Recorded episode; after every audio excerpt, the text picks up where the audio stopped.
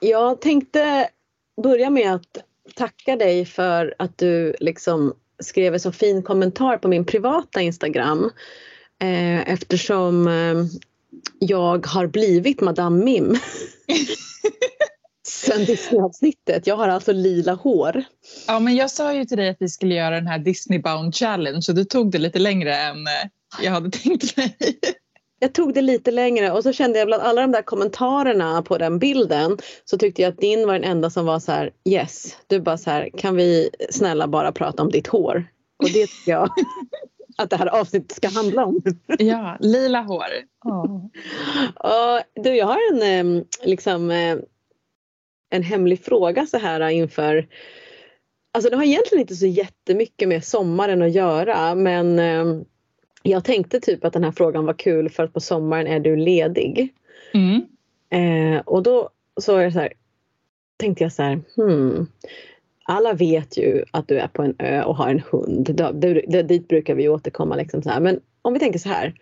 Om du hade om du liksom fick så här, välja ett intresse som du skulle vilja utveckla just nu i ditt liv som du liksom inte kan.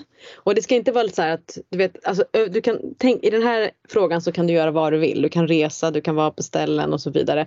Vilket intresse skulle du vilja liksom gå djupare in eh, och göra till en aktiv hobby? Mm. Jag vet inte om, man, om jag kan säga det här, för det kanske är så som självklart, men just nu och det, här, och det, här är också verkligen möjligt för mig att göra där jag är just nu. Det, nu just nu så, så skriker det i mig om att få skapa mer musik. Aha. Och spela in. Och liksom, ja, musik har kommit tillbaks till mig. Jag, alltså jag, jag var, jag, det här är spännande för att jag var ju ledig. Jag tog ut semester två veckor här nu precis. Och under de två veckorna så kom det en låt för första gången på flera år som jag spelade in. Nej, och då kände jag bara så här, fan vad kul det här är. Liksom. Och när det, när det får ske så utan press liksom, och att det kanske, det kanske kommer tillbaka nu igen efter så här många år. Fattar du att det här är news material nu? Ja, nu får ingen får börja tjata på mig nu för då kommer Nej. du dö. Ja. Ingen får tjata, ingen får prata, alla får vänta. Vi eh, får behandla min, mitt musicerande som jag behandlar min hund. Som är så här, ta inte ögonkontakt, låtsas som ingenting.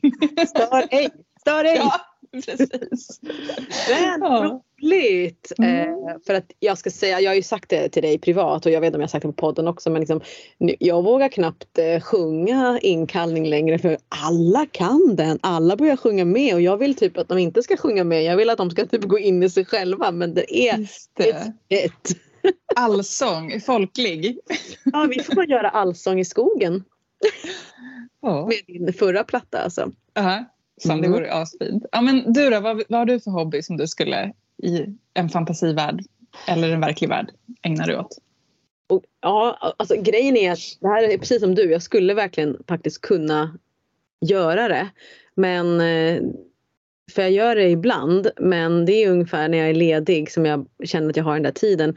Och det är ju att, ehm, ja egentligen är det två saker, det är svårt att välja men jag älskar ju att binda kransar. Mm. Alltså oh. av olika material, dörrkransar, hårkransar, headpieces. Um, och gärna liksom att det, man inte Ja, det behöver inte liksom kosta någonting utan att man tar det som finns liksom. Mm. Eh, det tycker jag är jätte, jätteroligt. Eh, och det skulle jag egentligen vilja göra lite mer till en hobby och kanske lära mig lite mer teknik och kanske så här, faktiskt göra lite fler så att jag kanske kan ge bort till kompisar och sådär. Ja! Mm. Alltså, det är jättekul och det är så himla Alltså, vem drömmer inte om att ha en typ asmäktig headpiece? Och liksom, det är nice i vår tradition för att det är så här, man, man kan totally ha det. Liksom. Mm. Exakt. Man, annars kanske man känner så här, men om jag gör en sån, när ska jag ha den? Nu bara, det finns åtta högtider på året du kan ha den. Plus alla andra ceremonier. ja men verkligen alltså. Och den andra intresset slash hobbyn det är ju alltså parfym. Mm. Jag har Göra ju, eller? Ja, alltså, jag, alltså parfym. Alltså in, jag gör ju mycket grejer med doftoljor och mm. som blandar med eteriska oljor till mig själv och till andra och sådär. Men jag skulle faktiskt vilja lära mig om parfym. Ja. Mm. Det är ju så här... Det, jag det kan tänk, du faktiskt också totally göra. Nej, det kan jag också totally göra. Liksom, precis. Det, det, men det, och jag, där, där känner jag att jag måste bara försöka förstå vad, vad, om det finns parfymworkshops. Är det någon som vet någonting om parfymworkshops som inte är då eteriska oljor blandat med typ en basolja eller liksom källvatten eller eh, hydrolat utan alltså mer verkligen så här basnot, toppnot, mellannot, parfymworkshop. Jag vet, jag vet ju en häxa som jag följer som, som gör parfym. Eh, kan jag göra reklam för, för mm. henne på en gång här bara. Eh, det är ju Bane X Bramble på Instagram. Okej. Okay. Som är med på Southern Bramble podcasten ah, som, jag, som jag gillar väldigt mycket. Då vet jag, ja okej okay, men det visste jag inte. Jag tror bara att kanske, det, kanske det kan vara en resurs. Det är en resurs. Det är en resurs. Annars får man ju åka ner till distriktet. Eh, det heter väl inte parfym, det heter något annat. Men det finns ett stort parfymdistrikt i Frankrike. Men det är bra. Jag ska ta den där, den där eh, Instagramkontot. Den ska jag ta till mig. Och, mm, ja men verkligen. Gör det. Bra häxigt konto. Allt finns ju online nu. Det är så jävla skönt. Ja, eller hur. So fucking good. Ja. Och någonting eh, mer som finns online. Det är ju eh, någonting för våra patreons som är ja, nytt. Ja, ja, ja. ja. Eller inte för alla våra patreons utan vi, vi har bestämt oss för att vi ska liksom eh, steppa upp lite grann vårt game för våra eh, patreons på den allra högsta nivån. De som liksom, eh, ger allra mest till oss vill vi ge tillbaka till. De som vi, de som vi kallar crones. Yes. Eh, och det man, har fått, man har fått en hel del på den nivån eh, redan. Men vi, vi lägger till en sak på den nivån nu. Kan du inte säga vad man har fått? Så att folk... Ska vi säga vad man har fått först? Vad man fortfarande får? Ja. Det är ju först och främst en, en hel timme med någon av oss två. Som en konsultation, kanske så tarot eller bara ett samtal, ceremoni, mm -hmm. snippsauna. Mm. Ja. och så får man en eh, video eller audioceremoni varje högtid. Eh, de här åtta högtiderna på året. Sen får man också allting annat som alla andra eh, patrons får. Till exempel tillgång till ett forum, eh, för mothers och crones där man kan ställa frågor till oss. Massa specialerbjudanden, rabatter och sådär. Eh, men nu har vi också bestämt att vi ska ha som en online-cirkel på, vid, de här hög, vid de här åtta högtiderna. Så förutom att man bara liksom får en ceremoni och så gör man den i sin liksom, ensamhet typ, så ses vi också eh, i videosamtal mm. på typ Teams. Ja. Och, eh, där vi liksom kan checka in med varandra om liksom, var man är någonstans i, i cykeln och i livet och magiskt, vad, vad, vad än det är. Och vill man att liksom, typ, vi kanske ja, men, drar något kort, drar några runor, mm. eh, kanske liksom gör någon liten guidning. Jag har ju faktiskt fått eh, hålla en sån här crone mm. gathering vid Ostara. Mm. Det var ju bara, alltså det var helt ljuvligt. Det var mm. fantastiskt att kunna liksom gå djupare in i mer liksom mera personliga reflektioner och kanske personliga processer och, och, kunna liksom jobba utifrån årshjulet, högtiderna, elementen.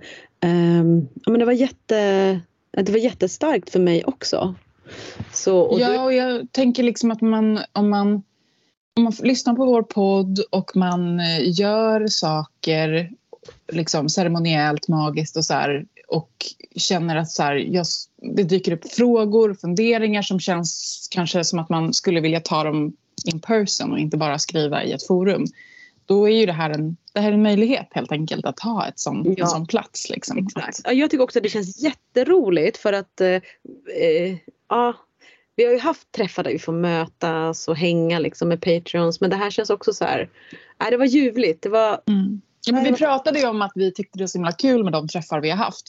Men ja. att vi kände så här, alltså, vi, vi satt ju liksom in, långt in på natten nästan och drog tarot förra gången. Just det. Och vi bara, men alltså, vi, vi har liksom över hundra patreons, det är jättesvårt liksom, så vi måste på något vis begränsa det. Så att, liksom, då, då bestämde vi att vi begränsar de här träffarna till crone-nivå. Mm -hmm. Yes. Ja, eh, så Yes, uh, be our fantastic guests eller uh, liksom uh, Patreons. lyssna som ni gör. känn ingen stress när vi pratar om Patreons men vi behöver prata om det på grund av att det är en så otrolig del av podcasten nu. För det gör att vi kan göra så mycket mer research som typ inför det här avsnittet. Mm, mm. Gud vad jag har eh, grävt ner mig i det här. Nu ska vi prata om ett ämne som jag redan har grävt ner mig extremt mycket i innan. Men det var liksom, alltså jag har varit så djupt nere. Jag har längtat så mycket efter det här avsnittet. Och här skulle jag också vilja lägga till att det faktiskt är ett ämne som jag också har grävt ner mig i innan. För en skull! Alltså alla fina som lyssnar, vi ger er Avalon.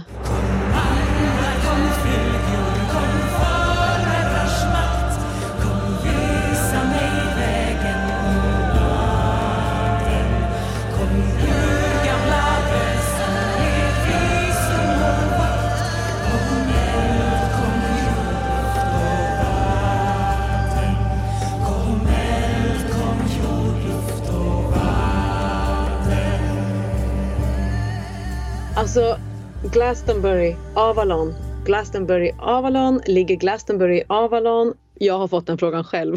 Mm. Menar Glastonbury Festival och ligger Avalon, är det en by i Glastonbury?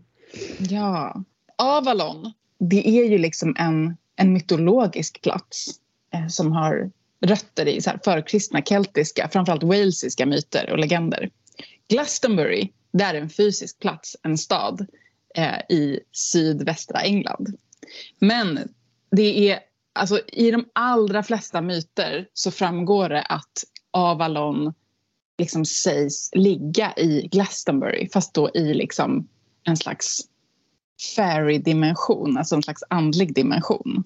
Då kan man ju liksom som nästa steg tänka sig så här att ja, men, någonting som inte är i en materiell dimension det kan ju också någonstans finnas lite överallt. Alltså det är så här, eh, man kan tänka sig att man kan komma till Avalon, inte bara genom Glastonbury. Även om den är på något vis en spegeldimension liksom på samma geografiska plats. Exakt. Och då skulle vi också bara kunna liksom eh, säga, säga, dementera det rakt ut här nu att Glastonbury Festival har alltså ingenting med det Glastonbury som vi kommer prata om eh, i det här avsnittet förutom att det är en fantastisk festival med liksom konst och musik som har typ hållit på hur länge som helst, egentligen sedan typ början av seklet. Och jag kan bara då passa på att säga att om ni åker dit i år så kommer ni kunna se Elton Johns sista spelning ever. om vi börjar med Avalon då? Alltså vi måste börja med Avalon faktiskt. Ja, vi börjar med den här mytologiska platsen liksom. och så får vi va, va, den, den här fysiska komma till den. Liksom. Ja, och Men, du kommer förstå också varför den är länkad till just Glastonbury. Mm, precis. Mm. Avalon, det namnet betyder Island of Apples. Det, det gamla liksom, keltiska, walesiska namnet är Ynos af Afalon. Och mm. det också kan liksom översättas lite som det säger, The Fortunate Isle. Det står the mm. Island of Apples The Fortunate Isle står i en bok som heter Vita Merlini och jag försökte liksom förstå lite mer om det här med äpplena och då kom jag tillbaka till ganska roliga och det här, det här är ju inte någonting som är liksom så länkat till just eh, till, till Avalon men det här är lite intressant för att alla äpplen har ju varit vilda. Mm. Nu finns det bara en enda vild äppelträdgård kvar och den är i Kazakstan. Aha. Så alla äpplen förutom den här i Kazakstan är planterade äpplen och sen kan de ha spridit sig liksom lite så. Men de här, det alltså finns alltså den här den är urgammal den här äppeldalen i Kazakstan och i den här äppeldalen så växer olika äppelsorter bredvid varandra. Eh, och man har liksom tagit bort sådana här för att äppelträd har ju mycket plats och man har istället liksom skapat eh, eh bostäder eller odlingsmark och så vidare. Men i Kazakstan så är det då eh, ja, men, det här var ganska länge sedan, det var typ på 20-talet som ortsbefolkningen började skydda den här platsen. Och då så försökte jag leta och se om att, eh, för de pratar mycket om the orchard of apple, and apple orchard och då tänker jag så här, jag tänker Eh, och också skicka lite grann ut frågan till lyssnarna om, om det är någon som kan hitta kanske någon som kanske är inne mer i odling och agrikultur liksom, om det faktiskt är så att de här vilda trädgårdarna eh, har någonting ihop att göra med eh, Inus Afalon, att det liksom inte är en odlad trädgård. Mm. What you say about this? Ja men alltså jag, jag tänker bara liksom på äpplet är ju en så otroligt central gudinnesymbol. Ja. Uh, alltså det är, vi har ju massa olika aspekter av det. Till exempel det här att man skär ett äpple i mitten så blir det ju ett pentagram i äpplet. Liksom. Och vi har liksom Iduns äpplen, det eviga livet.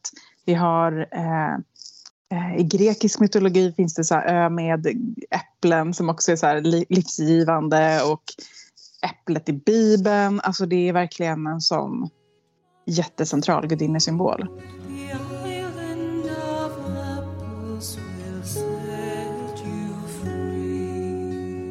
De första gångerna som jag hittar att liksom namnet Avalon nämns det är liksom i så medeltida texter från typ 1100-talet. Mm. Då liksom börjar när, nämnas i olika myter. Och så är det liksom också som att varje författare lägger till lite egna saker. Så att, alltså det är också tänker jag, viktigt att veta här att det finns liksom inte en kanon. Det finns inte så här The Book of Avalon utan det är massor av olika texter av olika personer och liksom, som säger lite olika saker om vad är Avalon. Så det kan ju vara skönt att veta att så här, om det är lite motsägelsefullt eller om ni har hört någonting. Alltså det, är så här, det finns väldigt många olika berättelser. Liksom. Ja, det finns väldigt många. Alltså det, det, det, det är en den är ju med i legend, legenden om Arthur också så den är ju verkligen, eh, alltså den är med i flera olika legender faktiskt. Men den har ju blivit väldigt st stor liksom i, i Arthur-legenden och den, bara den legenden har ju nedtecknats på så många olika sätt. Ja men precis, jag tänker det är verkligen viktigt att förstå att det är liksom, vi har de medeltida, det är de tidigaste texterna vi har om Arthur-legenden och Avalon. Sen har vi liksom eh, också typ under romantiken som vi har pratat så mycket om där liksom mycket av det här kommer upp igen. Mm. Det är mycket där vi känner igen typ så här, jag tänker eh, konst kring Arthur-legenden och Avalon känner vi igen från 1800-talet. Liksom. Det blir ytterligare en take på det hela. Och så, så har vi slutligen också de förkristna, det som är före medeltiden. Där finns det ju liksom inte eh, alls så mycket bevarat. Liksom. Men ska vi liksom ringa in lite den här legenden, liksom Arthur, Avalon? Alltså vad finns det för ja. centrala teman liksom? Även om det är så här, det finns massa olika versioner av berättelserna. Men liksom... Man skulle kunna säga att den legenden handlar om typ vad alla legender egentligen handlar om. Mm. eh, eh, liksom att, att, att, att livet har en, en, en uh, quest. Ja, eh, ett uppdrag, en, ja. Eh, ett äventyr eller någonting som ska lösas, hittas. Ja, precis. Och att det, att det, det är en hjälte, en hjälteepos, en hjältesaga. Mm. Där kung Arthur är son av Arthur Pendragon som är då i en, en blodslinje med arvsrätt till det här liksom landet. Men samtidigt så är han ju eh, också, han är ju problematisk för att han är inte från början kungamaterial. Helt mm. Mm. Och det är lite intressant här som jag är gift med en man från Bretagne och deras mm. Arthursaga är ju lite annorlunda för de menar ju då att den här Arthursagan börjar när Bretagne och Grand Bretagne sitter ihop. Mm. Så eh, jag vet inte om du också har läst det? Att egentligen kampen mellan den vita draken och den röda draken i Arthursagan handlar om Bretagne och Grand Bretagne. Mm, men nej, det finns ju massa olika versioner av av vad det här vita och röda liksom vad det står för. Alltså ja. jag tänker att det, det, är precis, det är ju precis det här som händer med Artusagan att liksom i olika tider på olika platser så får den representera olika saker. Den är ju djupt rotad ändå skulle man ju säga i södra, sydvästra England ner mot Frankrike snarare än upp mot norr och upp mot Skottland. Liksom. Ja, definitivt. Och det är ju liksom, om vi tittar på Mabinogion till exempel som ju är de här walesiska myterna som är ju en av de riktigt de, de äldsta källorna vi har till så här keltisk mytologi så är det ju, det, ja, då är det ju som sagt där nämns ju Arthur och det är ju walesiskt så vi är ju där i sydvästra liksom. Det är framförallt där det, det kommer liksom. Men, men den här liksom questen som Arthur har, alltså det som i berättelsen som ändå på något sätt går igen det är ju att han ska hitta den här graalen. Ja. Den nämns faktiskt först på, i de här medeltida, nämns inte liksom i, de, i de riktigt tidiga eh, källorna. Eh, då, utan det här ordet graalen dyker upp först i de medeltida källorna. Och är då också först olika typer av föremål. För vi tänker ju kanske graalen som just en bägare, nattvardskalk. Liksom. Men, mm. men i, allra, i början så kan det vara faktiskt andra saker. Det kan vara en tallrik, det kan vara liksom... Och den är inte heller helig först utan att det här att i de tidiga texterna så graalen är bara någonting som han ska hitta. Medan sen förvandlas det till Jesu nattvardsbägare i de Mm. senare texterna. Så det liksom är, det kanske är mer så som du sa, att graalen representerar sökandet i sig. Snarare än att det är just den saken. Liksom. Ja. Och jag menar de flesta moderna historiker nu eh, liksom har väl inte, man ska inte säga enats, men de, man pratar ju om honom som en icke-historisk figur. Exakt. Mm. Han, Ja. han, liksom är, han är ju precis som myter, myter berättar någonting liksom, om att vara människa och om den här världen liksom, snarare än en historiskt skeende. Det, här med att han är son till Arthur Pendragon, hans, hans mamma nämns ju inte jättemycket alltid, som, men det, Nej. det är lite klassiskt kanske. Men Mm. den här liksom, Arthur Pendragon är ju verkligen mm, alltså, representerar liksom det, det gamla. Mm, mm. gamla landet, det gamla traditioner, det gamla arvet liksom och eh, Arthur står liksom mellan, alltså Arthur är som den, den beskyddaren som då i folklåren är, ja men han kan skydda eh, han kan skydda liksom eh, riket men att, att det var liksom allt emot det var jättar och det var drakar, det var soldater, det var Saxons, vad heter det? Saxare? Saxon. Ja, liksom. saxare, ja precis liksom. Eh, och han kunde ju göra det här för att han har ju också en, en magisk attiralj. Han har ju blivit värdig Excalibur, Just det, svärdet. svärdet.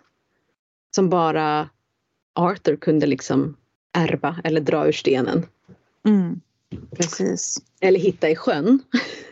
Mm. Det är olika myter där igen. Om det är liksom the lady of the lake som, som ger, sträcker upp svärdet ur sjön till honom eller om han drar det ur stenen. Men det är ändå spännande om man liksom redan nu kommer in på så tolkningar men liksom att det ändå på något vis är antingen jorden, stenen eller vattnet. Alltså det är någonstans nerifrån. Eh, och, och att man också pratar om the lady of the lake. Alltså det är någon form av typ gudinnekraft som ger honom Ja, svärdet. Ju stenen, stenen är ju jorden. Liksom. Eh, och vattnet är också liksom, med, med the lady of the lake. Liksom. Så att, eh, det finns någonting där att liksom, jorden, landet, är den som ska acceptera honom som värdig liksom, och ge honom svärdet. Och i myten om Arthur så kan man väl säga att i de tidiga texterna så är ju då Arthur med, Arthur Pendragon, pappa är med, Merlin, magikern är med i de tidiga Mm. texterna.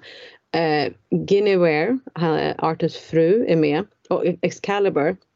Men, men sen, och, och Mordred också, den slutliga battle, the enemy. Sen, och sen såklart mera karaktärer. Men sen lite senare så byggs det på med eh, som du säger, eh, Heliga graalen, eh, Riddarna runt runda bordet, Alla de här Lancelot, Lancelot. Gawain. Guinevere och Lancelots kärleksaffär.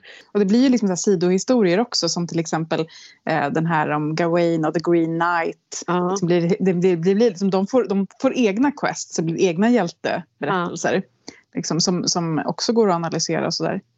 Och det är ju Ja. jätte, jättemånga roliga karaktärer alltså att spinna Mm. vidare på. Verkligen. Merlin, liksom. Vem är Merlin och Guinevere? Men det kan väl också vara så att den här myten har behövts. Och då vill jag bara så här, varför pratar vi så mycket om Arthur och inte nämner Avalon? Ja, nej men alltså han begravs i Avalon. Precis. Han är inte från Avalon utan han begravs i Avalon. Det är där som Morgan Le Fay nämns första gången.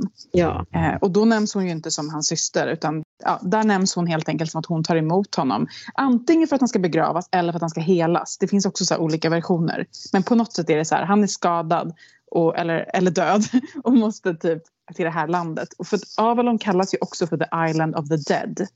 Förutom att det är the island of apples som på något vis representerar liv så är det också the island of the dead. mm. Vilket ju knyter ihop det här cykliska som vi alltid pratar om. Liksom. Att gudinnan representerar liksom både livet och döden. Men det är där hon dyker upp tillsammans med sina systrar. De är nio systrar i den, i den medeltida texten. Som beskrivs som, eh, som eh, magiska, de kan flyga, de kan shapeshifta. De, det står också att de är kunniga i matematik och astronomi. Just det. Ja. Och, eh, och hon, Morgan Le Fay benämns som den, liksom, den största av dem alla, den mest magiska av dem alla. Systrarna vill man ju också nämna lite Mordred. Mm. Som är den som liksom ger Arthur sin banestöt liksom. Eh, och i många, i många historier så är det ju Arthurs egen son och Mm. han, inte alltid vet om det. I den här uh, Vita Merlin, Geoffrey of Monmouth, i hans då saga så är egentligen Mordred den legitima arvingen till Precis. tronen. Ibland är Mordred liksom rättmäktig arvinge, ibland är han superelak boskurk.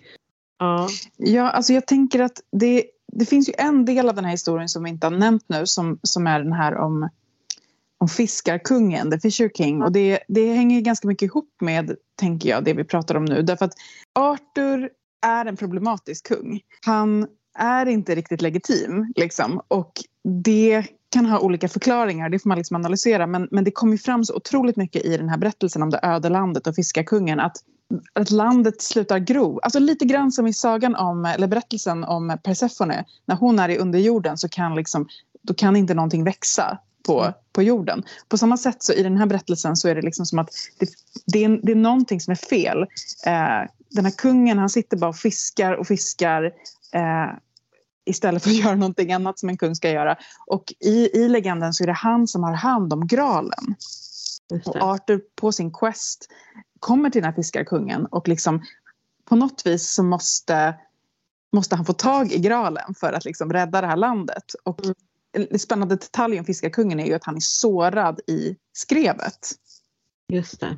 Eh, vilket ju på något vis är en, liksom, blir en symbol för att liksom, det är infertilitet. Och, och det, många, många menar ju att den här, liksom, det här fiskarkungen det är en representation för Arthurs bristande liksom, ja, kungaskap. Han tar inte hand om jorden, han tar inte hand om liksom, det han ska. Och att han behöver ta sitt ansvar, han behöver liksom, hitta den här graalen, vad den nu representerar. Liksom. Så, så gör han liksom inte det han ska. Han borde fråga fiskarkungen, så här, hur är det med dig? Typ? Eller så här, vad, är det som, vad är det som händer här? Eh, men han gör inte det, han förblir tyst. Liksom. Och han ställer inte den här graalfrågan som han ska göra. Liksom.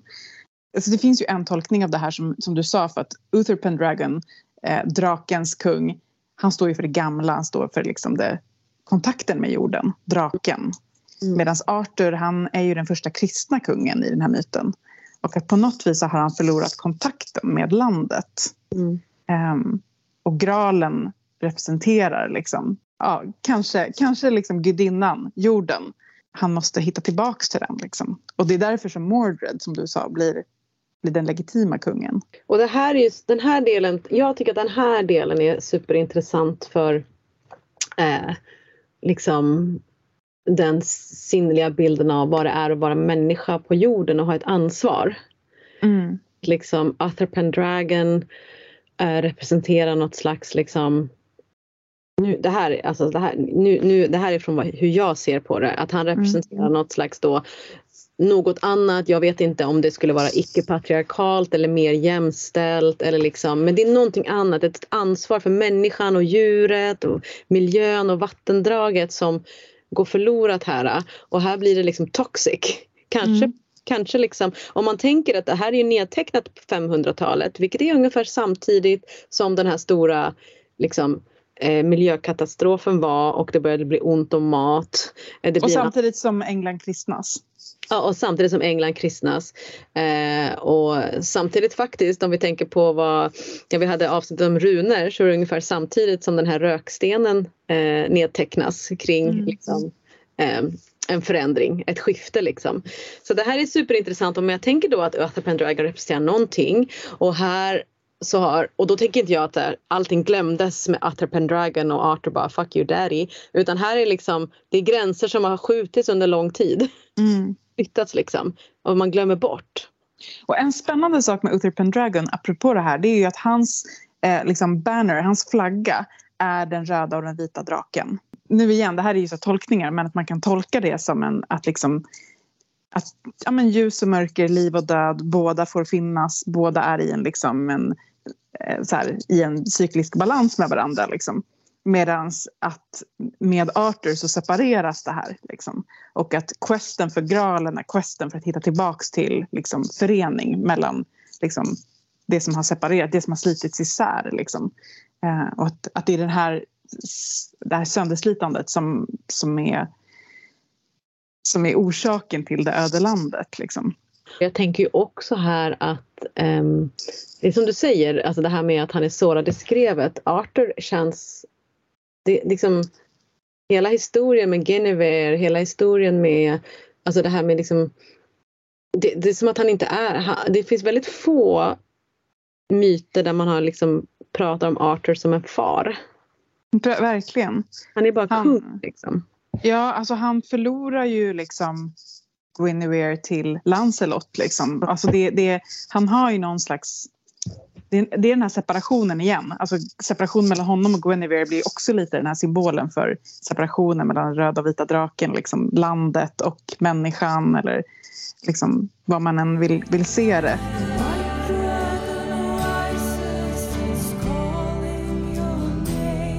Nej, men det är intressant också i den här Fisherman's Tale så finns det ju också en passage där eh, helt det här, jag tror att jag nämnt det här i något tidigare avsnitt där vi pratade om myter men där i det avsnittet så, eh, den passagen i den, bo, i den eh, berättelsen så, så är det ju också då att de här um, The Maiden of the Wells, alltså mm. de här som har skyddat källorna och vattendragen, eh, givit vandrare och resenärer vatten från de här heliga källorna, de och de har varit skyddade liksom och de har varit utsända av byarna att, att ta hand om, om, om de här vattendragen. Men här är det ju liksom en eh, krigsherre eller en general som bryter det här och våldtar mm. dem och låter sina män våldta dem. Och då börjar de här källorna växa igen och det är svårt att hitta vatten. Och det är väl också de, jag vet inte, det är ju Maidens som vaktar eh, graalen också i någon ja. av de här versionerna. Alltså, ja. liksom det är, att, att de är Maiden of the Wells, de är mm. Maiden of the Grail. Liksom. De, på något vis så, så står graden för liksom, det fertila landet. Liksom. Eh, det, det flödande. Liksom. Och när, nu när du säger det nu, då får bara, alltså det här är, nu gjorde jag snabb associationer men det är ju våran mm. podd. Men då bara, nu bara fick jag upp den här bilden på den här äh, nordiska eh, valkyrian gudinnan som ser ut som att hon håller ett mjöd. Ja! Eller hur? Ja, ja absolut. Graalen, mjödet, drycken. Om vi då liksom väver in det här med Avalon för det är också så att när Arthur dör eller när han ska helas då ska han, då ska han till Avalon. Istället för att, han har ju blivit den kristna kungen men han begravs inte, liksom, eller han tas inte till en kristen plats utan han tas till Avalon som är det yttersta uttrycket för det förkristna. Det är liksom, det är mm. the fairy, alltså Avalon är the fairy realm. Det mm. hänger ihop med det som i, på walesiska kallas för Anon. Mm. Som är liksom the other world. Det är, det, här, det är här alla mytiska varelser finns, alla fairies. Eh, dit folk kan råka vandra in i, genom dimmorna och liksom komma tillbaka 30 år senare och inte ha åldrats. Liksom, och så där. Det är där eh, Morgan Le Fay och hennes systrar bor. Och det är där Arthur slutar sina dagar. Liksom han, hans återvändande är till, till den världen, till den magiska världen. Liksom. Det är nu vi kommer till det verkligen förkristna, annon. Idén om the, the other world. Det är ju liksom en sån här schamansk andevärld. Den världen leds av en gud som heter Gwynap Neath. Just det. Eh, och, Neath. Ja, Arthur-legenden är ju ändå nedtecknad i kristen tid men om vi kommer till den här myten om Gwynap Neath, ledare av the Otherworld som ju, som ju är Avalon, det är bara ett annat namn för Avalon, så finns det en otroligt spännande myt om honom. För att han är ju, han är ju liksom guden av undervärlden. Alltså, Avalon är Island of the Dead. Det är liksom det är ändå en, en, en slags undervärld. Det, mm. där, det, det är dit de döda kommer. Alltså det betyder inte att det är en dyster och gloomy helvete utan men det är liksom det, det är ändå under marken. Och så finns det då en myt om att eh, Gwynap Neath och Gwithyr som är en solgud varje år på Beltane vid, vid första maj så måste de slåss om jungfrun Kredilad Mm. Och så är det liksom att vid Beltane då vinner Gwithyr, solguden. Och vid Sowin så får Credilad komma till Gwynapneath i underjorden. Det är exakt innan Persefone-myten. Liksom. Ja. Eh, och det här är liksom en förkristen myt. Och den speglas sen i Arthur-legenden med liksom just den här eh, det här liksom idén om att det måste vara cykliskt. Eh, det går inte att Guinevere bara är hos Arthur. Arthur speglar, han är ju då den här liksom solguden mer. Arthur har skurit bort sig själv från underjorden. Det är det som är hans sår i skrevet. Mm. Det är det, han, han har inte längre kontakten med jorden. Mm. Och eh, i och med då kanske kristendomen liksom, så, så är han bara himmelsgud. Liksom. Mm. Och Eh, de här mörka krafterna måste på något vis också få vara med. Liksom. Alltså, jag tänker att eh, det är väl just det här som är det är det här som är lite grann essensen av den tradition som du och jag vandrar i och följer. Ja, på något vis för mig så i den här myten så representerar ju Avalon eh, precis som Arthur till slut återvänder till Avalon så vill ju jag återvända till Avalon mm. från det här separerade ödelandet där man bara där det liksom solguden råder alena liksom och eh, Gwynapneath eller Morgan, alla de här liksom magiska, lite mer mörka underjordskrafterna, eh, otherworlds-krafterna, de har liksom separerats bort. Ja. Det är det liksom, så min, min strävan efter graalen, strävan efter Avalon är ju liksom just återförenandet av den röda och den vita draken liksom, och det cykliska. Någonting går ju väldigt förlorat och har gått förlorat sedan dess. Liksom. Och det har vi ju bevis på idag liksom, med klimatet exempelvis. Människan har glömt bort vad det är och har ett ansvar mm. eh, för jorden.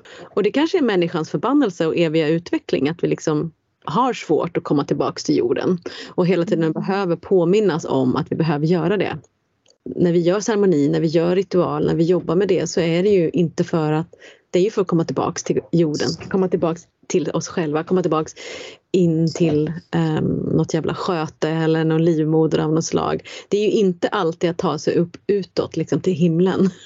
Nej, men verkligen, och är, man kan verkligen tänka sig den här questen både i det stora och i det lilla. Liksom. För att i det lilla så är det ju det här att komma tillbaks till till de här känslorna som inte får, typ, får finnas eller kroppen eller vad det nu är för någonting i vardagen. Liksom. Alltså, typ, den här questen blir ju så här, någonting man typ gör flera gånger varje dag. Mm. Och i det stora, i de här årstidsceremonierna. Alltså, det liksom är ju en, en slags återförening och något slags helande av det här såret som mm. man gör på flera plan liksom, hela tiden. Mm. Eller försöker i alla fall.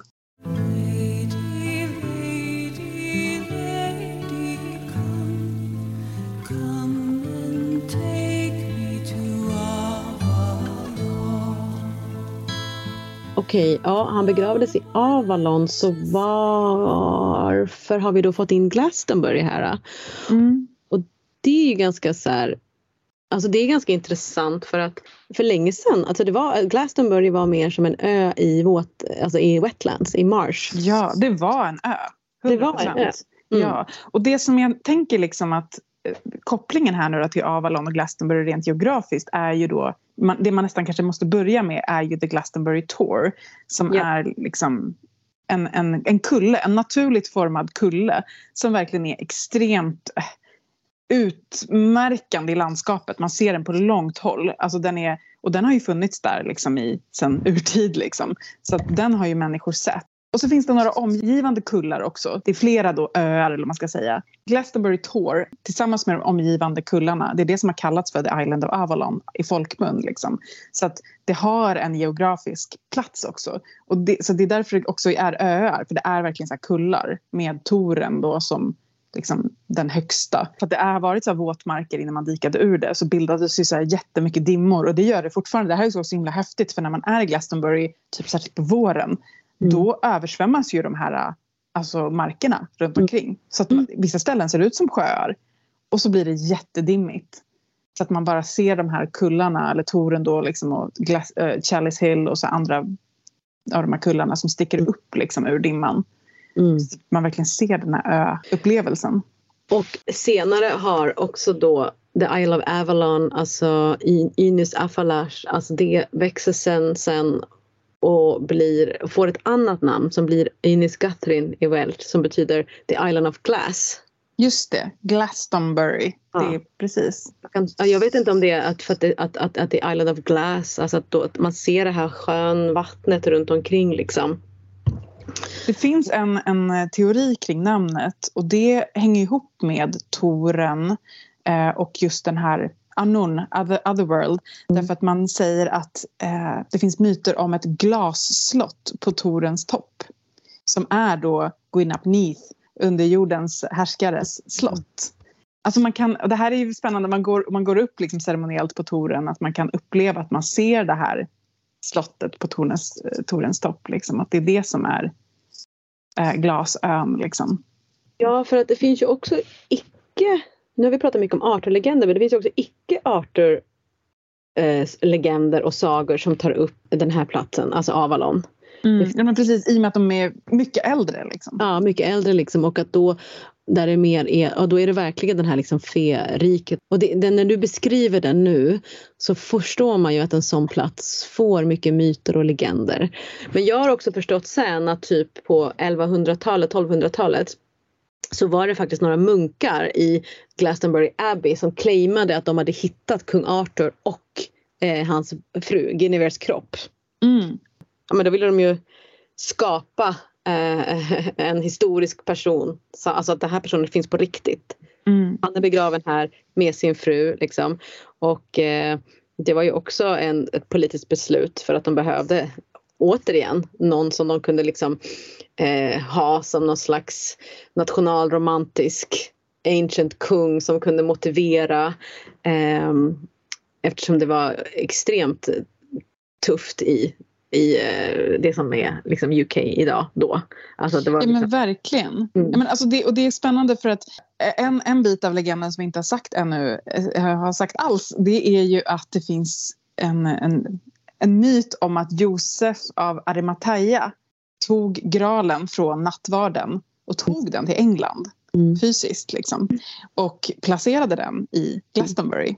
Så det finns en jättestark kristen så här, pilgrims eh, tradition till Glastonbury just för Josef av Arimatheas liksom, eh, resa dit och, och, och att han han satte sin första, liksom, sitt första steg i Avalon på en annan kulle som heter Warial Hill som man liksom ligger i rak linje mot, mot toren, som man liksom kan titta mellan varandra. Där satte han ner sin stav, planterade den djupt ner i jorden och där blommade det upp en hagtorn som har blivit liksom en, en pilgrimsplats för både kristna och andra. Liksom.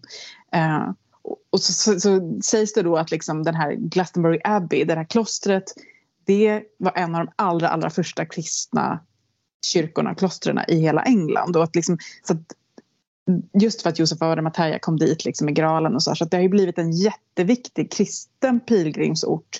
Och att man då sa att man hittat Arturs liksom kropp. Och att, för där, den, den gravstenen finns i klosterruinerna. Mm. Eh, den kan man besöka idag. Liksom. Här står det här vilar Arthur och Guinevere. Och det, var, det har jag förstått det som att det var liksom också lite ett PR-trick. Att liksom få dit ännu mer pilgrimer. Liksom, för att det blev ja, en så himla viktig pilgrimsort. De behövde eh, finansiering för att bygga upp den nya katedralen. Ja men precis. Mm. Uh, så, så att liksom det är, och jag tycker att det här är så en, spännande, en spännande aspekt av det här därför att det finns ju någon slags ofta drivkraft i oss och i andra. Att man vill säga bara, ah, uh, Glastonbury det är the goddess sacred uh, liksom, plats. Medan kristna är så här, ah, Glastonbury det är kristendomens heliga plats. Och mm. alla vill liksom claima det som typ sitt. Precis. Men om man verkligen tittar historiskt så har ju liksom den här platsen Glastonbury varit en sån kulturell smältdegel. Mm -hmm. Det har liksom varit romerskt, walesiskt, det finns en jättestor irländsk eh, tradition också där som vi inte ens har pratat om nu som är jättespännande. Anglosaxiskt, hedniskt, alltså kristet. Och jag tycker att det är intressant också för att man blir tvungen att umgås med alla de här sakerna samtidigt. Det löser också upp en massa dualism i, i hur man ser på de här traditionerna och liksom utifrån typ, om man tänker som kulturell appropriering som vi har pratat om så mycket mm. blir väldigt svårt att prata om här för det är liksom inte det finns liksom inte en grupp eller tradition som typ äger den här platsen eller historien liksom riktigt. Nej, den, den, det, är verkligen, det har varit en helig plats för väldigt många, väldigt, väldigt eh, länge. Claimat legenden på olika sätt. Mm. Um, jag har också förstått att de har gjort någon slags eh, geologisk undersökning av um, själva Glastonbury och det är alltså det är mycket um, kristaller alltså, och mineraler som finns i, i bland bergarterna under. Mm, mm. Det går verkligen så här ja, men väldigt mycket liksom, ja, kristallrike, det är väldigt starka eh, linjer vad nu det innebär med så earth lines som går under. Lite som det fanns också i, i Peru, Nasta-kulturen. Alltså det är ett ganska så här, det finns mycket under mark som man inte ser. Mm. Eh, och eh, typ att den här um, kullen där eh, Tor står, att det faktiskt är ju några som säger att det finns underjordiska labyrinter under den. Det vet jag inte om det, om det stämmer. Liksom. Men det är ju som en labyrint. Mm. Um, ja precis, det har vi inte nämnt. För på, på to, toren, kullen heter ju alltså Toren. Det här är viktigt att poängtera. Det står liksom som ett slags torn uppe på toren. Och det är inte toren. Utan det tornet, det är resterna av St. Michael's Church eller St. Michael's Chapel yeah. som byggdes där. Det här är så intressant för St. Michael är ju en, eh, den ängel som vars speciella grej är att fördriva demoner och döda drakar. Han, han avbildas med foten trampande på en drake eller orm. Mm. Och den satte man alltså uppe på den här uh, på drakkullen. Och vet du vad som är superintressant? Att på andra sidan kusten, eh, inte i Bretagne men i Normandie så ligger eh, Mont Saint-Michel en jätte, jättehög plats med ett stort högt slott uppe högt över ah. havet. Wow. Eh, som bara, där är det också bara, det är bara det är, du kan bara gå dit när det är liksom lågvatten för när det är tidvatten så är det vatten runt hela den här ön. Är inte det coolt? Det är jättekult. Ja, det är liksom nästa, det är typ mitt emot varandra more or less liksom, om man, om man är generös med det. Den här Vet du en annan sak som är cool? Mm. Det var Nej. ju att man, de byggde den här St. Michael's Church och då, då uppstod det en jordbävning. Det är därför det bara är tornet kvar. Ja, ah, just det. Just det. Man bara, you go mother earth. Wow, you go mother earth liksom. Ja, men, så att liksom toren är ju själva kullen och så står det här liksom kristna liksom resten av där, där uppe. Men mm. sen runt hela, liksom, som du sa, runt hela liksom kullen, toren, så finns det ju terrasser som formar typ en labyrint. En, mm. Och man vet inte till denna dag vad de här terrasserna eller den här labyrinten är för någonting. Alltså är en processionsväg, att man ska gå som i en labyrint upp längs toren, har man odlat där? Är det någon form av befästning? Alltså man vet inte. Men jag vill ju tänka att det är en rituell, en processionsväg. Ja. Det är så den används idag. Liksom, ja. Av oss nyhedningar och häxor. Ja. Alltså det är också så himla um, Det som är så intressant också med just med, alltså, det här med Glastonbury, liksom att ja men alltså det är typ det är litet, det bor typ 10 000 människor där. Mm. Och det är jättemånga i det moderna Glastonbury, alltså det är jättemycket spiritual seekers som är där. Samtidigt som det också är en, en engelsk liten stad. Ja, verkligen. Uh, så kommer man till Glastonbury så ja men det är lite så här typ, jag tänker så här, när man kommer till Järna blir folk lite så här wow har ni fyra ekologiska bagerier och en ekoshop i lilla Järna? Jag bara ja för det är en ganska stark community som vill köpa eko här så det är lite annorlunda kanske än, någon an, än i Hölö där jag bor liksom. Mm. Men det, för det här är ju um, en levande liten småstad med väldigt specific interest och att människor förvaltar ju den här uh, platsen Mm. Inte bara vi gudinne prästinnor. Nej, gud nej. Det är verkligen, verkligen massa olika traditioner som, som samsas där. Så när du och jag säger att vi följer den avalonska traditionen så är det egentligen helt felaktigt att säga så för att det finns inte en avalonsk tradition. Liksom. Det finns så många olika. Liksom. Vi, det, det, är bara en av många. Men ett sätt som, som det här förvaltas i nutid, jag tänker apropå det du sa med de här geologiska liksom, speciella sakerna. Mm. För att en av de alla, alltså det som folk åker till Glastonbury för att uppleva är ju förstås touren. Alltså det är det, man, det är det man ser på bilder, det är det man förknippar med. För de här kullarna är ju the island of Avalon. Men mm. det man åker därifrån med den största upplevelsen skulle jag säga. Mm. Många som kanske man inte känner till lika mycket men som här snackar vi verkligen, det här är så jävla magiskt. Det är ju de två källorna som finns där. Och det är ju de, det är där vi kommer in, vad finns under jorden? Vad är det vi inte ser? Liksom? Alltså det är ju två stycken källor, en röd och en vit. Da, da, da. Da, da, da. Vi har pratat så mycket om det röda och det vita och det här är så coolt. De är ju bokstavligt talat röda och vita. Mm. Alltså den röda källan som heter Chalice Well, den har hetat så så länge. Alltså Chalice, bägaren, graalen. Mm. Chalice Well, ur den kommer det rött vatten. Alltså det är jättejärnrikt vatten. Mm. Överallt där den rinner, liksom, den, de, de, den källan, så är det helt rött. Mm.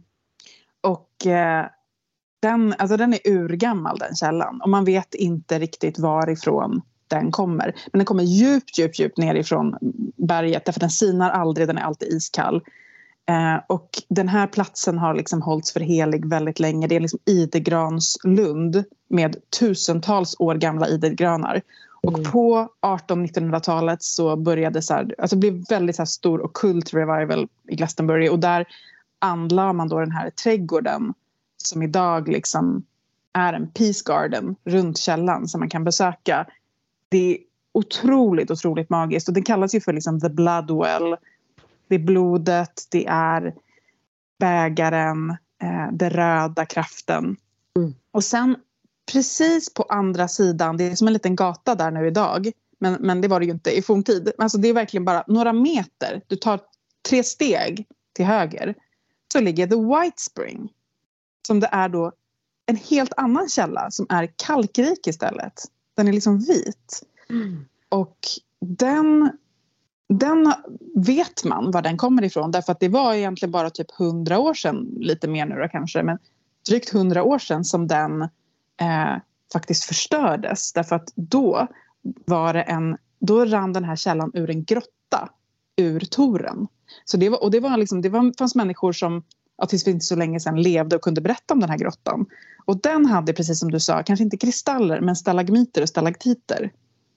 Alltså kan du se framför dig hur magiskt, men grotta in i toren mm. med sån här vita kalk, liksom, en sån kalk, och där, ur den strömmar det här vita vattnet som då kommer ja. från toren. Och det är därför man pratar om att det antagligen nästan 100% säkerhet finns grottor och labyrinter inunder toren därför att det är precis som på Gotland, eh, kalk kalk, det bildas sådana liksom håligheter i kalkgrund. För det finns jättestora så här, du vet, så här, grottor med så här, selenstavar som är stora som en bil. Som bara liksom hänger och sitter alltså, i jordens inre. Där man, man kan ju gå in i sådana grottor. Eh, det är ju väldigt farligt, liksom. man måste ha skyddsutrustning ifall de skulle ramla och så. Eh, och då som du säger, då, färg, då färgas ju vattnet av det här. Det finns till och med varma källor i regnbågens alla färger för de har blivit liksom nuddade av kristaller. Mm. På olika platser. Uh, typ i Yellowstone finns en sån. Alltså det är jätte, jätte, jätte naturligt. Och den här White Spring, den, alltså den blev ju som sagt tyvärr förstörd för att ja, det var kolerautbrott och, och myndigheterna var så här, vi måste typ ha, vi måste göra den här källan så att vi kan typ massproducera det här vattnet. Liksom. Mm. Eh, men så kalkade alla de rören igen. det var så, de visste inte att det var så kalkrikt. Och den har liksom, sen har det bara stått och förfallit och liksom, folk var jätteledsna för att den här magiska platsen var förstörd. Men alltså, och det här det var här typ 1800-talet så man byggde liksom en sån här typ eh, vattencistern runt liksom källan. Det var under så här, viktoriansk tid. Så att liksom nu, alltså det var bara typ kanske 10 år sedan, 15 år sedan, då var det människor i Glastonbury som bestämde sig för att den här viktorianska stenbyggnaden, den ska vi göra om till ett vattentempel. Vi ska helga White Spring igen. Mm. För den är ju väldigt vacker den här cisternen. Den är liksom, ja men ni vet viktoriansk byggstil, liksom så stenar och det är jättemycket mossa som växer på den för den är så gammal. Så hela den insidan är liksom nu helgad till den här källan. Den är byggd med liksom, det är så att vattnet rinner från den vita källan ut i så jättefina mönster. Det är som en stor pool i mitten som man kan gå ner och bada i naken. Och det är helt, helt mörkt och så är det bara massor av stearinljus där inne. Mm. Och de här stenväggarna gör ju liksom att det ekar väldigt vackert av vattnet och folk brukar börja sjunga där inne. Det sitter ofta någon och spelar kanske typ flöjt.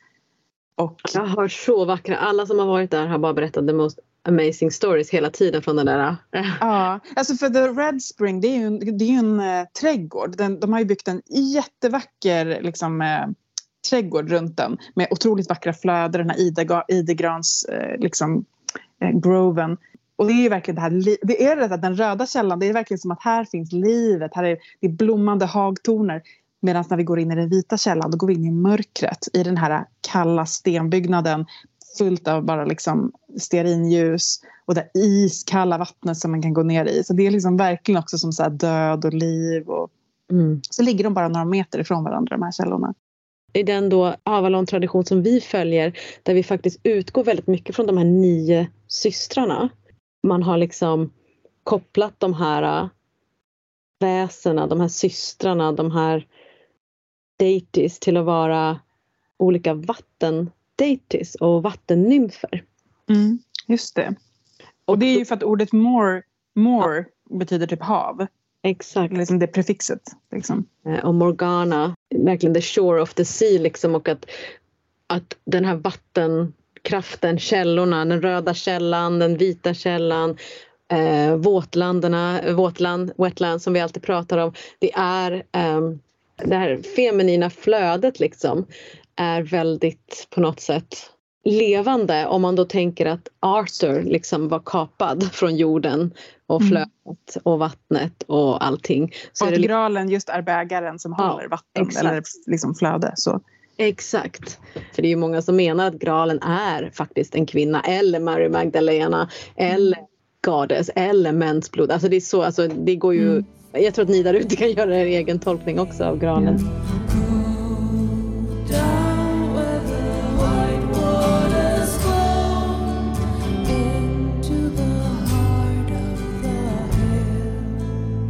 finns ju verkligen platser som man, som eh, du vet, är, är sacred. Liksom. Du känner det. Du har varit på sådana platser eh, genom tiderna, liksom, vad det är någonting. Och då är det ju, det är ju någonting det kan ju både vara att människor har dyrkat platsen men det kan också vara någonting, exakt som du säger, den här magin från jorden.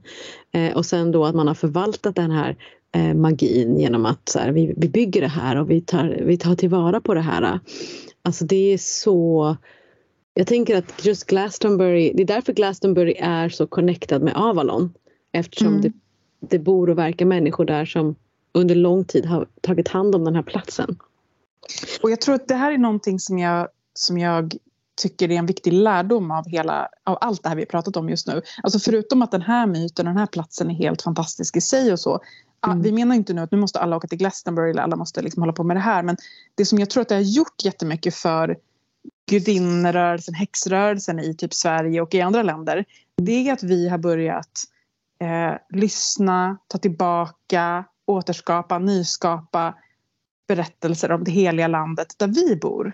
Mm. Alltså våra Avalon. Eh, överallt finns det här. Överallt. Och att liksom, vi börjar se på våra kullar, våra källor, liksom våra berg, våra... Allt det här, liksom, av våra gamla berättelser och att, att någonstans liksom, att den här magiska känslan kan vi återknyta till var som helst. Om vi, precis som människorna har gjort ända sedan liksom för kristen tid, genom kristen tid, in i liksom romantiken och nutid. I Glastonbury har man varit väldigt, väldigt bra på att hedra det här. Liksom. och jag Det tänker, går att göra det här också. ja, nej, men det gör ju verkligen det och det är det som eh, jag tänker är viktigt att komma ihåg liksom att så här, alla kan alla kan gå ut och göra en, en ceremoni och tända en rökelse och be för sig själv och eh, you know, ha en stilla stund. Det är skitviktigt arbete men alltså så att, att vara häxa eller kanske prästinna som vi kallar oss. Det kommer med det här också liksom så här you take care of the land. Mm. Alltså det är så här, det är, jag tycker det ingår lite grann i att följa en tradition och den här traditionen liksom. Mm. Eh, eh, att vi behöver gå ut igen och, och, och eh, vet, ta bort löven från från källorna eller liksom städa upp på en strand eller vad det nu kan vara. Prata om naturens rättigheter. Eh, Börja, liksom, börja namnge eller liksom fråga platser, så här, vad, vad, liksom vad de heter. Alltså, återförtrolla, återmytologisera liksom. Ja men 100 procent återförtrolla. För oss då så är det ju The Fairy Realm som lägger grunden till hur vi jobbar med Avalon. För här finns det ju en annan myt som är jätteintressant och det är ju legenden om Keridwen. Alltså hon har två barn med en jätte som heter Tejid. Dottern heter Kreuri och är jätte, jätte liksom vacker och fin och härlig och liksom folk kan ta sig till henne medan sonen eh, Afgadu eh, liksom, Afgado betyder utter darkness på walesiska. Hemsk, ful, vidrig liksom. Och hon i, i myten om Keridwen så i hennes då liksom alltså, jag vet inte om man skulle kunna säga men hennes moders mo, alltså moderskapet i henne är att jag måste hjälpa mitt barn liksom för att jag vill inte att folk ska se honom så här för att han är faktiskt jävligt nice och trevlig. Så hon börjar då eh, skapa ett elixir Graal. Nej, men hon har eh, eh, skapar ett elixir som då på något sätt ska liksom vara allting som Afgado eh, behöver eh, för att kunna bli någon annan. Eh, och det är, det är örter, det är liksom kroppar och det är kunskap och det är en blind man som heter Morda som hon ber liksom vara ansvarig för den här skitten att liksom eh, eh, hålla igång elden hela tiden och sen är det en pojke en väldigt ung pojke som heter Guion som ska liksom bara stå och typ röra i den här grytan i ungefär typ ett år eller någonting. Och eh, hon gör sin magi hela tiden eh, för sin son och sen liksom precis typ när det här är ungefär klart då typ så här vilar hon lite, somnar till lite grann. I princip i det ögonblicket när hon liksom lägger blicken ifrån det här så kommer det ungefär tre droppar ut från det här. Och då har ju den här pojken liksom som har rör, stort, stort och liksom bara stir the, the, the cauldron. Han tar de här uh, dropparna och dricker dem för sig själv. Och hon blir ju typ tokig. Där någonstans börjar en, en eh, där börjar en stor liksom, jakt, en stor resa eh, mellan Keridwen och Guion. Och hon är rasande. Och han kan ju bli vad som helst nu för att den här, de här dropparna, det är ett elixir. Every, anything can happen. Så då blir det liksom verkligen en sån här super super eh, shapeshifter jakt liksom. Han springer ut därifrån och han, han, han förvandlar sig till en hare och då förvandlar hon sig till en hund och sen så förvandlar han sig liksom till en, till en lax och sen till, och hon blir en utter och sen så eh, liksom efter ett tag han, han förvandlar sig till en, en, en eh, fågel. Och hon förvandlar sig till en, eh, till en hök, de jagar i luften. Och sen ner liksom eh, så faller han från jorden och förvandlar sig till en liten, liten, litet liksom grain. Eh, ett litet eh, korn, vete. Och hon förvandlar sig till en höna. Och liksom bara pickar, pickar. Han lägger sig bland jättemycket andra liksom korn, vetekorn och hon bara pickar och pickar och pickar och pickar. Hon är en svart höna och hon går igenom varenda jävla frö eh, tills hon äter upp honom och då blir hon ju liksom gravid. Alltså det här frö som är Guion växer i Keridwens mage som nu har blivit människa igen. Liksom, den största transformationen är ju liksom att hon föder Guion igen eh, i den här formen eh, och kan liksom inte vara arg på honom för hon, det är ju hennes barn. Och där någonstans så eh, tänker hon liksom att jag kan inte ta hand om det här barnet ändå, jag skickar ut det här barnet i världen. Så hon skickar ut det här eh, eh, pojken och eh, den barnet blir upptäckt av en prins som heter Elfin och Elfin ser honom och ger honom namnet Taliesin.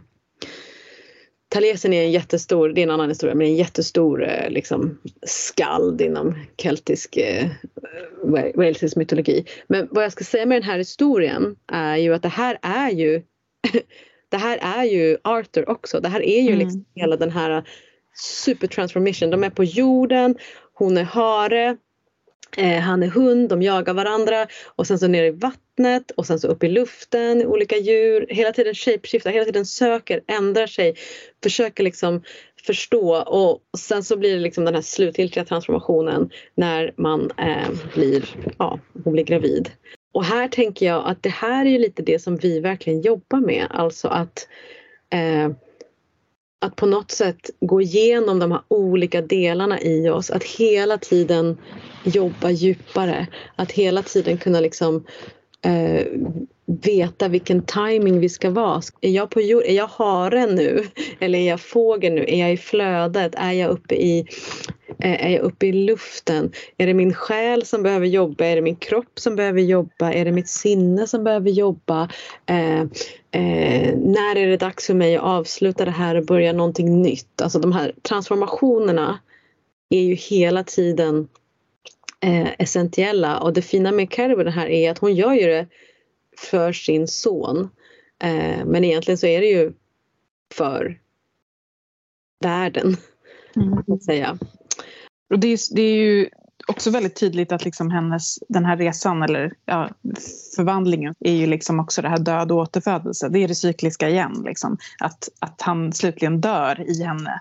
Hon är Ja. döden, Caridwen är dödens gudinna, men hon är Ja. också födelsens gudinna. Hon, hon, det är återfödelsen. Och att allting någonstans har sin grund i det här visdomskitteln. Livets dryck, liksom. Som i många gamla myter och legender också finns inne i, i Avalon. Mm. Det är där, det, där har vi kopplingen igen. Liksom, och, och att en del menar på att liksom, graaltraditionen egentligen är en förvandling av Caridens kittel. Liksom. För att det är det. Sen så utifrån det här så, så finns det så mycket cykler att jobba med.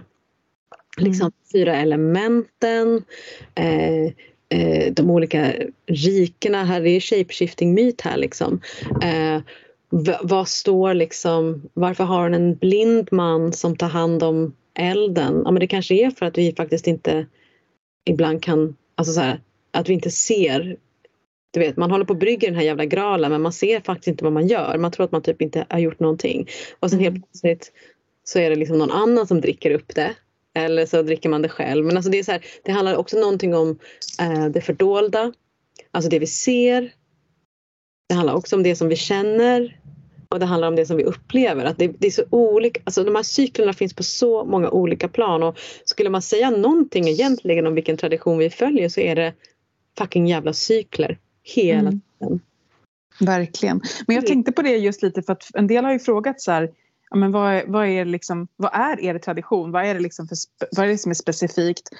Och jag tänker, det här är ju en sak, men det är också något som finns i många traditioner, att man följer det cykliska. Men en sak som är kanske lite speciellt för, för den avalonska traditionen vi följer, det är ju att den bygger vidare på de här nio systrarna. Att, att liksom, för att vi har de fyra elementen och, de, och fyra riktningar, men vi har också fyra till och så har vi i centrum. Så de här nio, liksom, jag tänker att om man skulle vara om man är på liksom en sån avalonsk ceremoni som vi tränade i så är det kanske en skillnad mot vissa andra cykliska traditioner. Att vi jobbar med nio krafter, liksom, vilket ju blir då alltså fyra plus fyra och så centrum. Liksom.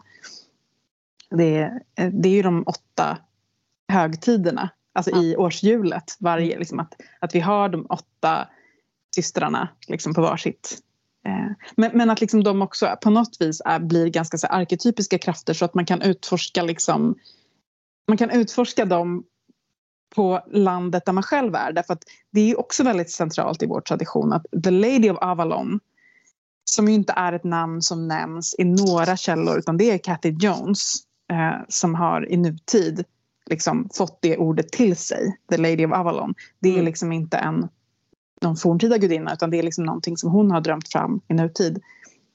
The Lady of Avalon är the goddess of the land.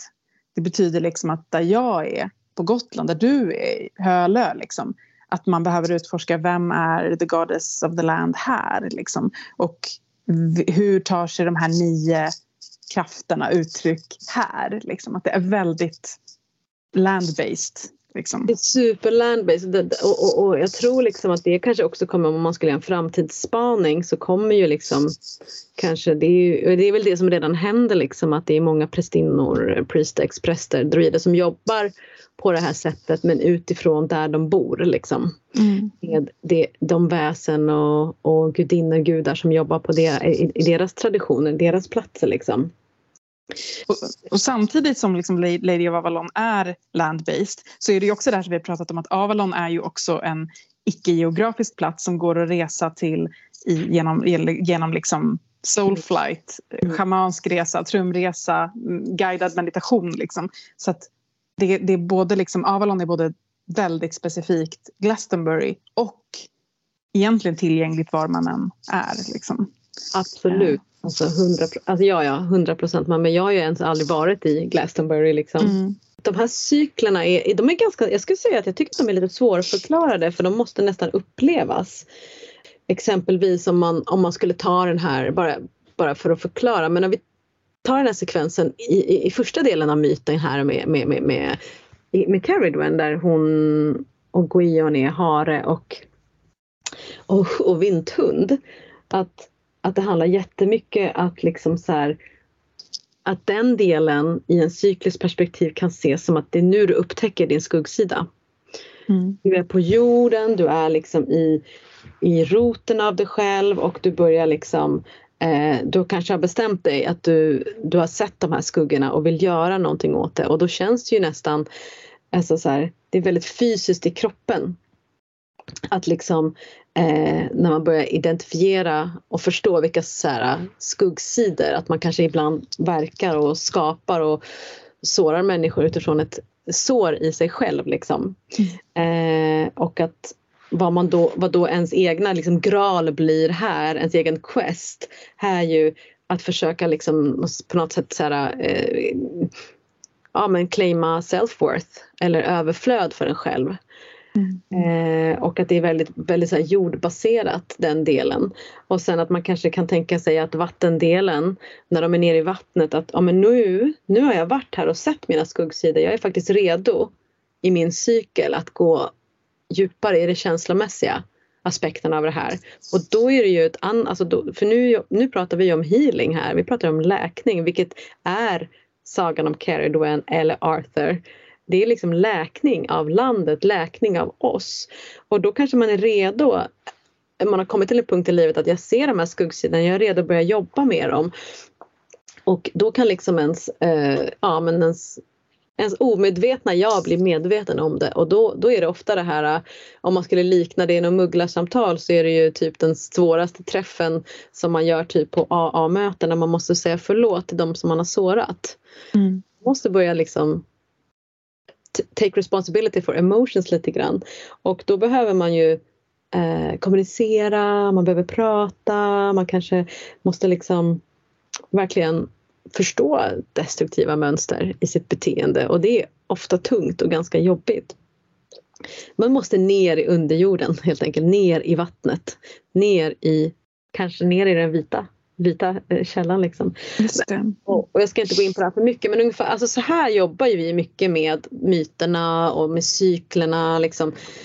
Ehm, hur, kan jag, hur, hur kan jag använda eh, en avalonisk tradition, myterna för mig själv och för andra. Jag tänker mycket på de här myterna när jag jobbar med människor. Vilken timing har jag? Är den här människan i vatten? Är den här människan på jord? Är den här människan i luft? Alltså kan vi jobba spirit här eller behöver jag gå ner och bara Hej kroppen, du är jättefin, jag håller dig, vi ska inte göra någonting mer här så jag inte blir invasiv som prästinna. Mm. Att jag bara, nu ska jag läka dig, nu ska vi bara göra det här. Man bara, den här personen är så otrygg och behöver egentligen bara få sitta och känna att det finns en möjlighet att lita. Då kan inte jag börja hålla på och tänka att vi ska upp i luften och vara en hök. Mm. Eh, Du ska bli gravid här nu med dig själv och dina egna idéer. Så, här. så jag tycker det finns en väldigt icke-invasiv approach till healing och till att vara prästinna. Och det tänker jag hänger ihop med det här icke-dualistiska. Alltså som för mig verkligen symboliseras i föreningen av det röda och det vita draken. Eh, men också liksom, ja men allt det här vi pratar om är ju på något vis det icke-dualistiska. Det är liksom föreningen och det är det som händer också när Gwydion blir uppäten av Cariven. Och liksom, då sker ju döden som också är en återfödelse, en förening och att, att liksom det är den icke-dualismen där det aldrig är så här, det här får inte finnas, du ska vara i luften nu, du ska Mm. vilja transformera. Alltså det är så här, vi, att, att möta sig själv, andra och världen där det är och Mm. inte liksom så stänga ute vissa upplevelser, stänga ute vissa känslor utan så här, ja, inkludera liksom alla delar av, av existensen. Och liksom, Ja, verkligen. Så jag, skulle man säga, ja det är cykler vi följer men det är också, en, det är också läkning. Det är extrem läkning. Eller healing som man skulle säga på engelska då, i, i det här. Och, och det handlar väldigt lite om en karriär som prästinna. Eller någonting vad man nu kallar precis, det är inte uppstigning och liksom att bli mer och mer typ så här, ljus och bara oh, jag har ingen smärta längre. Liksom, utan det är att mer och mer inkludera allt liksom, Mm. och hålla space för det. Liksom. Mm. Om folk blir intresserade här nu av liksom Mm. Avalon och det som vi pratar om, vad, hur gör man då? Alltså det finns ju, alltså först och främst tänker jag att det finns ju olika, alltså massa olika avalonska traditioner och eh, alltså den som Kathy Jones var med och grundade är liksom en av de tidigaste och också liksom kanske speciellt med den är att den är inte heller separatistisk för det finns ju avalonska riktningar som är separatistiska bara för eh, kvinnor, icke-binära eh, och så. Men att liksom i den här så den är öppen för alla liksom. Och eh, började på 80-talet. Och, och så grundade man ett tempel då på 2000-talet. Det är också speciellt för liksom, så det, det är som att just det här Glastonbury Goddess Temple, där som ju någonstans vår tradition utgår ifrån, den har ju blivit liksom, den har ju verkligen fysiskt manifesterats väldigt tydligt i Glastonbury. Det finns både tempel, det finns Goddess House, Goddess Hall, massa sådana liksom, eh, att de verkligen håller space för inte bara ett inre arbete utan också liksom i, sam, i the community. Liksom.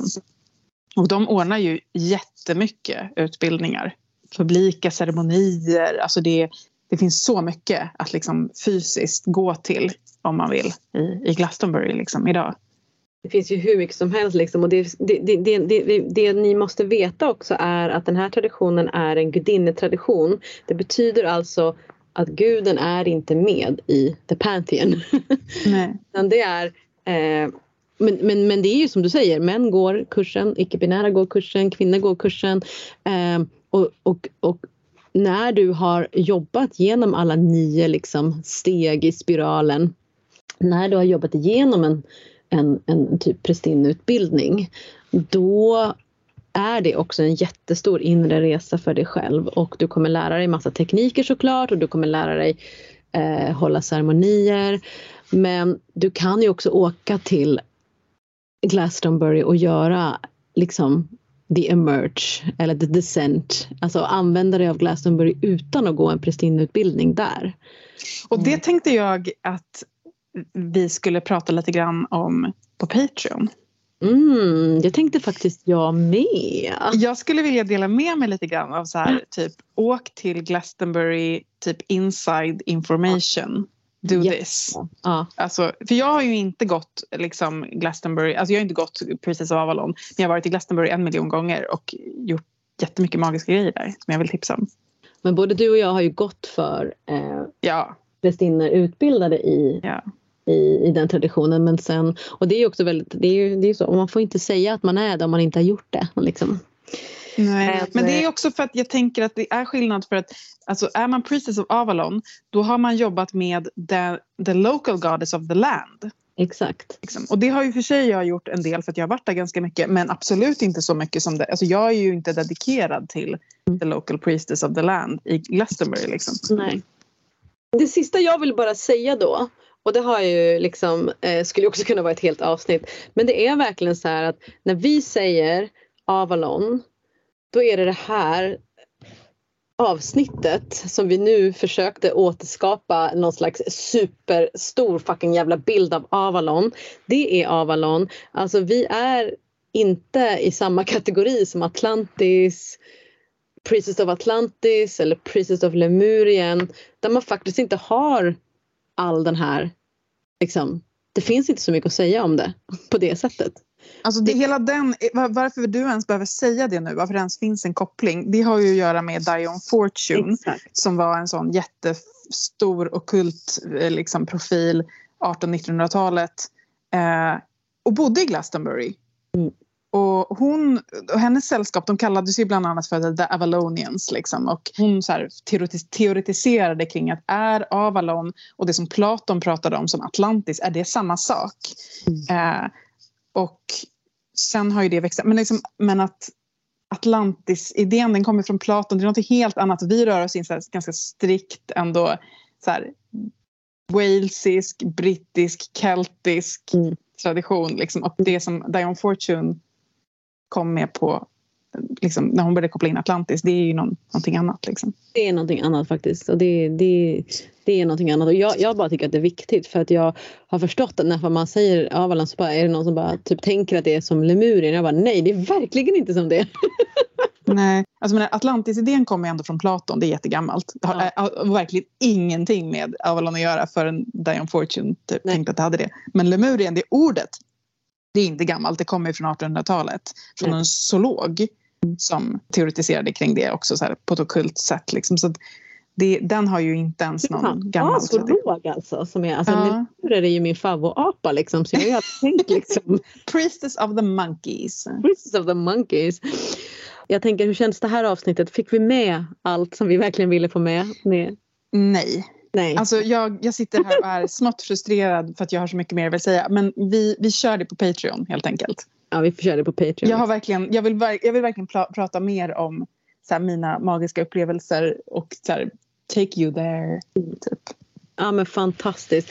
Vi gör det på Patreon och vi vill också bara lämna en sak till på Patreon och det är faktiskt så apropå det som du sa eh, Eldin om att man kan ta sig till Glastonbury Avalon eh, andligt.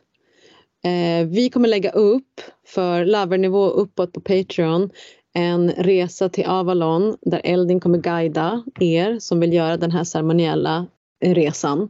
Och den kan ni göra själva utomhus, inomhus. Den kommer som en eh, videofil på Patreon. Eh, för att få uppleva lite av den magi som Avalon kan bjuda på. Och nu blir det ännu mer för er Patreons för nu blir det Völvans spådom. Från dåtid till nutid till framtid.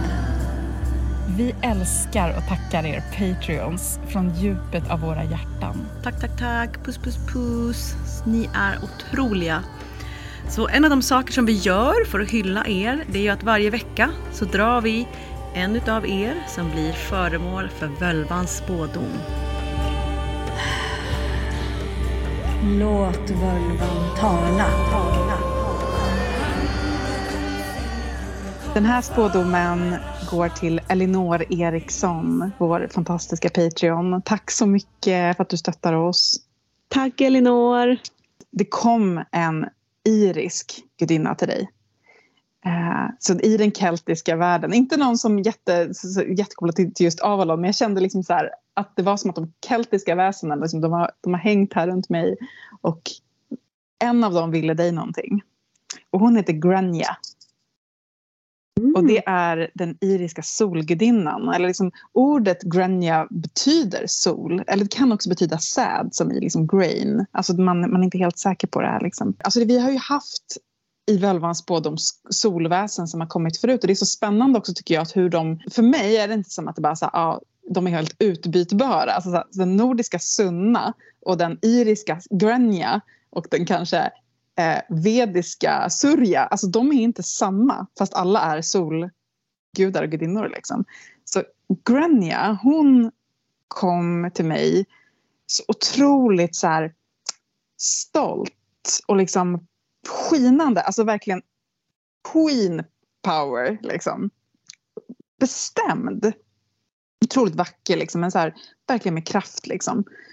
Och som med så många andra liksom, gudinnor så, här, så finns det ju liksom bara källor från kristen tid. Och i de källorna så framställs hon ganska negativt. Ever heard that before? Nej.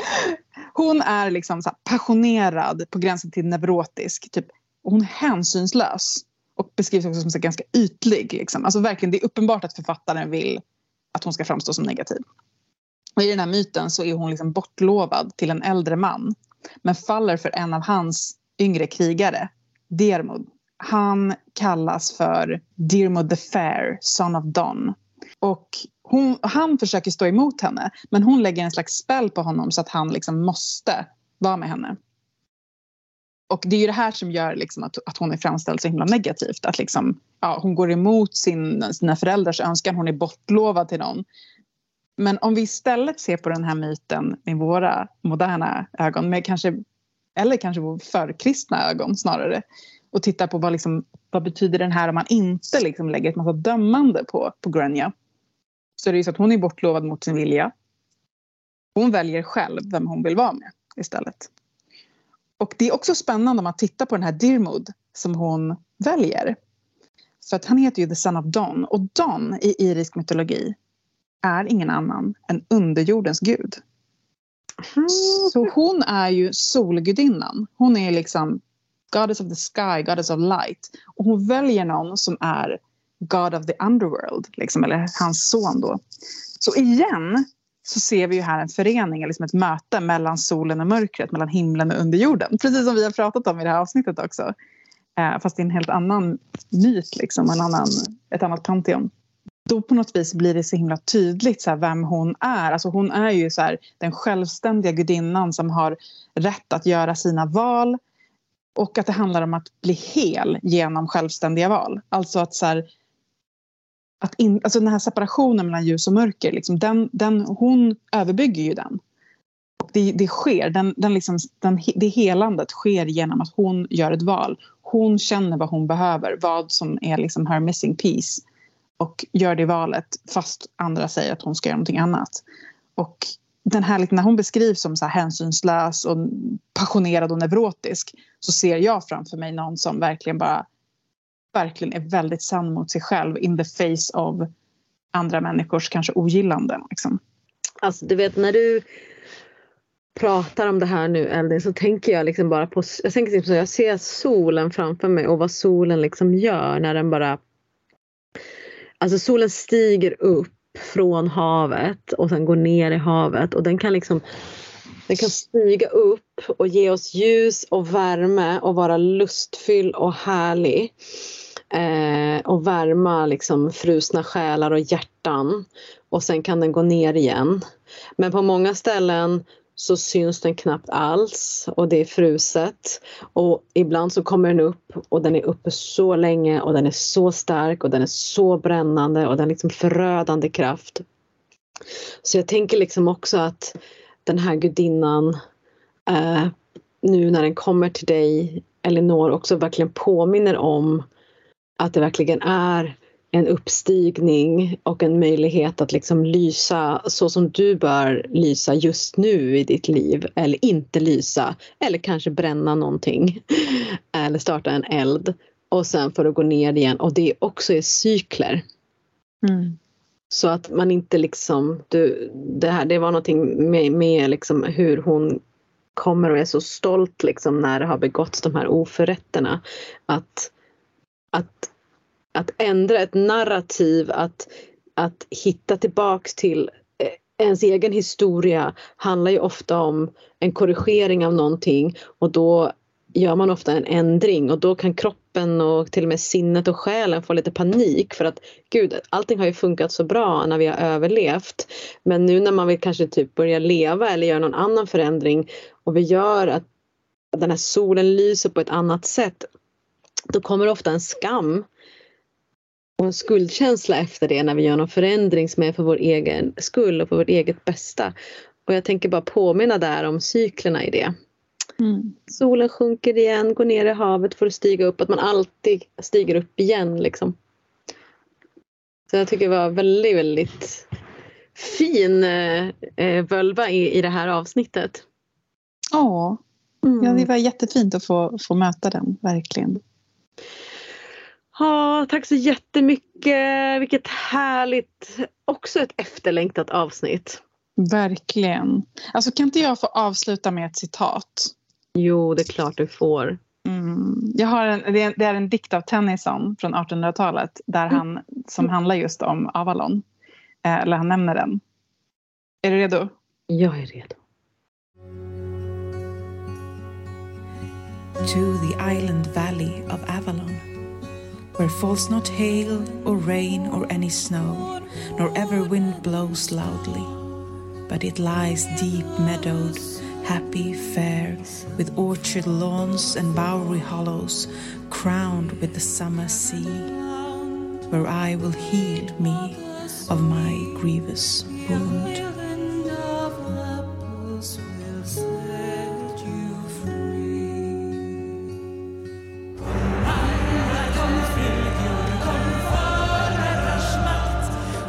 Du stödja vår podcast ytterligare så kan du Betygsätta podcasten.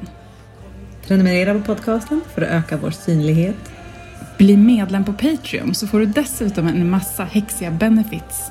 Gå in på patreon.com formodrarsmakt. Och vill du ta del av ytterligare samtal med likasinnande, bli medlem i Facebookgruppen Förmödrars makt eftersnack.